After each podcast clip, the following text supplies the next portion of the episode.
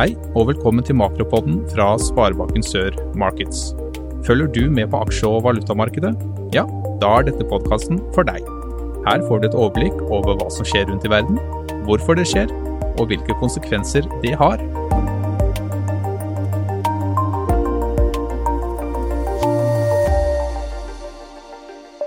Hjertelig velkommen til en ny episode av Makropodden. Nå er vi kommet til midt i april i 2021, og i dag skal vi snakke om uh, hva som skjer rundt om i verden. Fortsatt med fokus på smitte- og vaksinesituasjonen, men uh, hvordan uh, dette stadig endrer de økonomiske forventningene rundt om i verden. Så skal vi se på litt andre nyheter nå i midten av april. Og så skal vi se på hvordan det står til i Norge. Hva er viktigst her?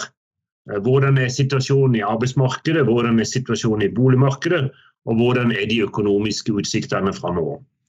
Så skal vi inn og se litt på oljemarkedet, vi skal se litt på valutamarkedet, og til slutt skal vi se litt på rentemarkedet. Men la oss begynne i USA. Det er ofte der det skjer de største endringene, de største tingene. Og her ser det ut som at gjenåpninga kommer ut veldig, veldig godt. Og det ser ut som at USA kommer kanskje til å være den delen av verden, i tillegg til Kina, som kommer ut av gjenåpninga først. Og Det er jo utrolig viktig for verdensøkonomien. Det ser ut som at Bidens plan om å vaksinere 100 millioner amerikanere i løpet av de 100 første dagene som president ser ut til å lykkes. Vaksinesituasjonen går utrolig bra i USA. Og man regner med at den voksne befolkninga er fullvaksinert innen utgangen av mai 2021. De satte just rekord på å vaksinere ca. 4,2 millioner per dag her for noen få dager siden. Det betyr at den hele norske befolkningen hadde stort sett vært vaksinert i løpet av en dag. Så vaksinesituasjonen sammen med kraftige stimulanser fra Bidens støttepakke på 2000 milliarder dollar, altså 16 000 milliarder norske kroner, det er klart det ventes å bedre amerikansk økonomi godt. Og det er veldig positive bidrag inn i etterspørselen i amerikansk økonomi. Og det gjør også store positive endringer i amerikansk økonomi framover. Og vi ser allerede tegn til at det lykkes. Siste uke så ble det skapt 900 000 nye jobber. Det er det beste ukesresultatet på lang tid. Arbeidsledigheten faller gradvis, er nå nede på ca. 6 og så er selvfølgelig det fortsatt betydelig høyere enn det var før pandemien. Vi ligger ca. 2,5 høyere nå enn det USAs arbeidsledighet lå før pandemien begynte å slå inn. Men økt pengebruk det fører også til forventninger om økt inflasjon i USA. Og den økte optimismen og de, den forbedra smittesituasjonen gjør at de lange rentene har gått relativt kraftig oppover tidligere i år. De siste måneden så har de vært noenlunde stabile. Og verdens viktigste rente, altså tiårs amerikanske renter, ligger på ca. 1,70. Men flere og flere tror at Fed må heve renten langt tidligere enn det som sentralbanksjefen har antydet, nemlig i 2023. Nå er det allerede helt indiskontert i markedet at i hvert fall høsten 2022 da har han begynt å, å sette opp renten. Men eh, hvordan det går i USA, det blir egentlig det første sånn ordentlige prøvesteinen på hvordan verdensøkonomien kommer til å utvikle seg i både 2021 og 2022 og framover nå etter pandemien. Hvis vi ser litt på og flytter blikket eh, litt nærmere til Europa, så ser vi ikke så lyse utsikter. Arbeidsledigheten i Europa er fortsatt på et veldig høyt nivå. Vi ligger på ca. 8,3% på siste telling. Og med unntak av Storbritannia så går det relativt seint med vaksinering av Europa. Så her må vi regne med at det vil ta lang tid før økonomien skikkelig er på fot igjen. Vi hadde jo også en, en svak økonomisk situasjon da pandemien slo inn. og Det gjør jo at situasjonen i hvert fall ikke blir lettere etterpå. Hvis vi ser på Kina, så ser vi at der har jo gjeninnhentinga gått veldig veldig bra. og Kinas sentralbank var nå ute og ba bankene om å begrense utlånsveksten framover etter en veldig høy utlånsvekst i både januar og februar. Så vi ser at Kina har kommet godt ut av det når det gjelder gjeninnhentinga. Og så, på samme måte som vi ser at, at antall smittede og antall døde her hjemme har vært relativt lite i forhold til, og lavt i forhold til de andre nordiske landene, så, så var det også en studie nå som ble offentliggjort rett før helga, der vi ser at norsk økonomi det er den økonomien i Norden som har vært minst skadelidende gjennom covid-19. Men eh, når vi snakker om Norge, hvis vi ser litt på hvordan er situasjonen i Norge Arbeidsledigheten er relativt stabil, ligger på ca. 190 000 ledige. Og kampen mot smitten er fortsatt i førersetet. Fortsatt mye nedstengninger, både sentralt og mer desentrale tiltak. Eh, og Det blir veldig spennende å se hvordan smittesituasjonen nå blir når effekten egentlig kommer nå etter påske. Vi har vel sett bare begynnelsen, og det ser relativt bra ut. Men eh, det er vel kanskje litt for tidlig å trekke konklusjonen enda. Vi må nok vente i hvert fall en ukes tid til. Eh, Vaksineringa går framover. Fortsatt en del etter skjema. Ikke minst pga. problemene med AstraZeneca. Men generelt så ligger de nok litt etter eh, regjeringens skjema. Regjeringens støttetiltak hindrer foreløpig konkursras, og så blir det jo, som vi har vært inne på tidligere i Makropoden, veldig spennende å se når disse avvikles, hvordan eh, blir da eh, situasjonen. Mange håper på en gjenåpning til sommeren, og hvis det da blir en gjenåpning da, så er det jo spørsmålet hvor fort kommer da økonomien? Kommer, det, kommer økonomien tilbake igjen med et smell. Det kan faktisk eh, være ikke minst på en god del av de sektorene som har blitt eh, veldig skadelidende. Hvis man lykkes f.eks. med å, å, ha vaksinert alle voksne innen tidlig juli. Hvis vi ser på inflasjonen, så ser vi at inflasjonen er relativt høy i Norge. Kjerneinflasjonen, altså kårinflasjonen, var på 2,7 nå i mars.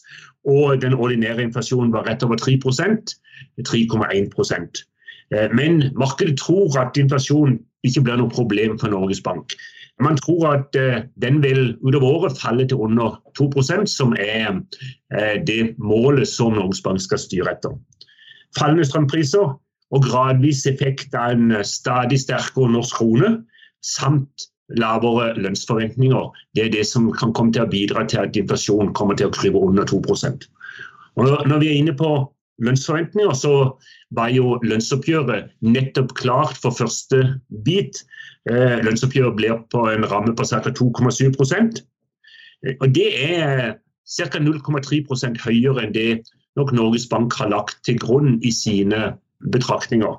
Og Det isolert sett vil det utgjøre ca. 0,15% høyere rentebane, som vi sier, eh, på de neste ett til to årene. Sånn at eh, Det at man får høyere lønn, det slår veldig fort ut i forventninger om noe høyere renter. Og Boligprisene de fortsetter eh, oppgangen. Lite tilbud av boliger og mange kjøpere gjør at det fortsatt er 1,1% oppgang i mars. Riktignok så falt Oslo litt etter en formidabel økning de siste månedene, men eh, boligprisene er nok fortsatt eh, noe som Norges Bank har veldig eh, argusøyne på. Og eh, det er nok kun renteøkninger som kan dempe fortsatt prisoppgang der. Og Det er nok også noe av det som gjør at eh, markedet forventer at Norges Bank vil komme til å bruke rentevåpenet så snart pandemien er noenlunde over. Når det gjelder oljemarkedet, så ser vi nå en oljepris på ca. 63 dollar. Det er ned enn 3-4 dollar i løpet av siste måned. Men eh, det er samtidig relativt bemerkelsesverdig at prisene holder seg på dette nivået. For nå eh, siste, I løpet av de siste halvannen ukene så er det blitt enighet om gradvis økt oljeproduksjon fra OPEC framover. Men eh, det som nok er på den andre sida som holder prisen oppe, det er Eh, stadig større vaksinehåp og sterkere forhåpninger om økt pengetrykking og økt aktivitet i USA. Og noe som gjør at forventninger til høyere aktivitet i verdensøkonomien utover i 2021, og ikke minst i høsten 2021. Og I tillegg så ser vi, som vi har vært inne på tidligere i makropoder, eh, mer grønt fokus fra USA. Men eh, det at oljeprisen holder seg på et så høyt nivå, det er jo svært godt nytt for Norges handelsbalanse. Det gir oss store ekstrainntekter både fra olje og fra gass. Når det gjelder det norske aksjemarkedet, så er det fortsatt høyt. Det har etablert seg godt over 1000-grensa på Oslo Børs. Og i valutamarkedet så er fortsatt trenden mot noe sterkere norske kroner intakt. Men det som er sikkert, er at det stadig kommer noen korreksjoner. Det skal ikke så mye uh, usikkerhet ut i markedet, så plutselig så uh, svekkes krona med fem-ti øre. Det har vi sett uh, også mange ganger nå den siste måneden. Så det betyr valutasikring er viktig, så snakk gjerne med oss om det. Men risikosentimentet, som vi sier, i markedet er positivt. Og det er veldig viktig for valutamarkedet. Så Derfor så tror jeg kanskje at utviklingen i det amerikanske aksjemarkedet framover kommer til å være veldig viktig for uh, hvor sterk som norske kroner vil være de kommende ukene. Hvis vi ser uh, avslutningsvis litt på de lange rentene, så har det vært noe mer stabilt den siste måneden nå på de lange rentene både i USA og i Norge. Eh, nivåene ligger nå i midten av april på ca. at man kan gjøre sikringer på fem år på 1,45 og på ti år på 1,85. Og så har vi tre måneders nivå på sånn 0,35-0,36. Så skal vi huske at før pandemien så var tre måneders nivå på ca. 2% Og Det gjør jo at hvis verden normaliserer seg, og det tror jo flere og flere aktører, så tror Eh, man også at Norges Bank vil begynne å vurdere renteøkninger allerede eh, i slutten av dette året. Om det blir september eller om det blir desember, det er et helt åpent spørsmål. Men eh, både Nordea og DNB tror da at det kan komme både fire og kanskje også fem renteøkninger gjennom slutten av 2021 og gjennom 2022. Og boligprisveksten som vi var inne på tidligere, det er jo også en kjempedriver mot høyere rente. Så rentesikring er derfor fortsatt veldig aktuelt. Så snakk gjerne med oss også om det. Da skal vi bare eh, avslutningsvis eh, oppsummere litt om hva vi snakker om i dag. Da snakker vi litt om eh, hva som skjer rundt om i verden, med fokus på smitte- og vaksinesituasjonen, og hva det gjør for den økonomiske utviklingen og de økonomiske forventningene rundt om i verden. Så så vi også på en del av de viktigste økonomiske nyhetene som har skjedd nå i, i eh, løpet av de siste par ukene fram til 19. april 2021. Så så vi på eh, hvordan situasjonen er i Norge, både når det gjaldt eh, vaksine og smitte, men også hva som er de viktigste faktorene framover, og hvordan situasjonen er på arbeidsmarkedet, hvordan situasjonen er i boligmarkedet, og hvordan de øvrige økonomiske utsiktene er for norsk økonomi framover. Og Så hadde vi en titt på utviklinga i oljemarkedet, valutamarkedet og rentemarkedet til slutt. Da var det alt fra oss i Sparebanken Sør og Makropodden eh, i dag. Da takker vi for eh, at du hørte på.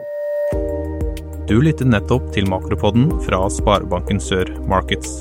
Hver måned vil vi gi deg innsikt i hva som skjer i verden, samt hvordan det påvirker økonomien vår.